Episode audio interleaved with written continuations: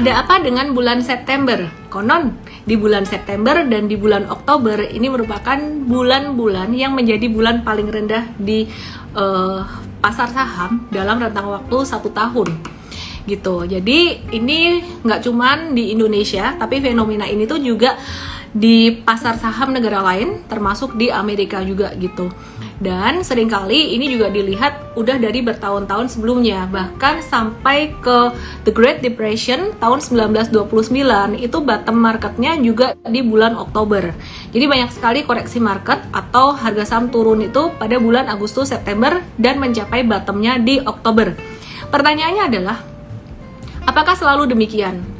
Sebenarnya secara statistik, bulan Agustus itu adalah bulan yang paling banyak turunnya dalam bertahun-tahun tahun-tahun terakhir gitu.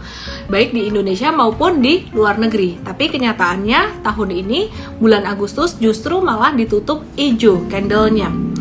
Nah, hal ini menunjukkan bahwa mitos bulan Agustus selalu turun, bulan September atau Oktober selalu turun itu tidak selalu terjadi tergantung sebenarnya tergantung tren besarnya tergantung siklus besarnya.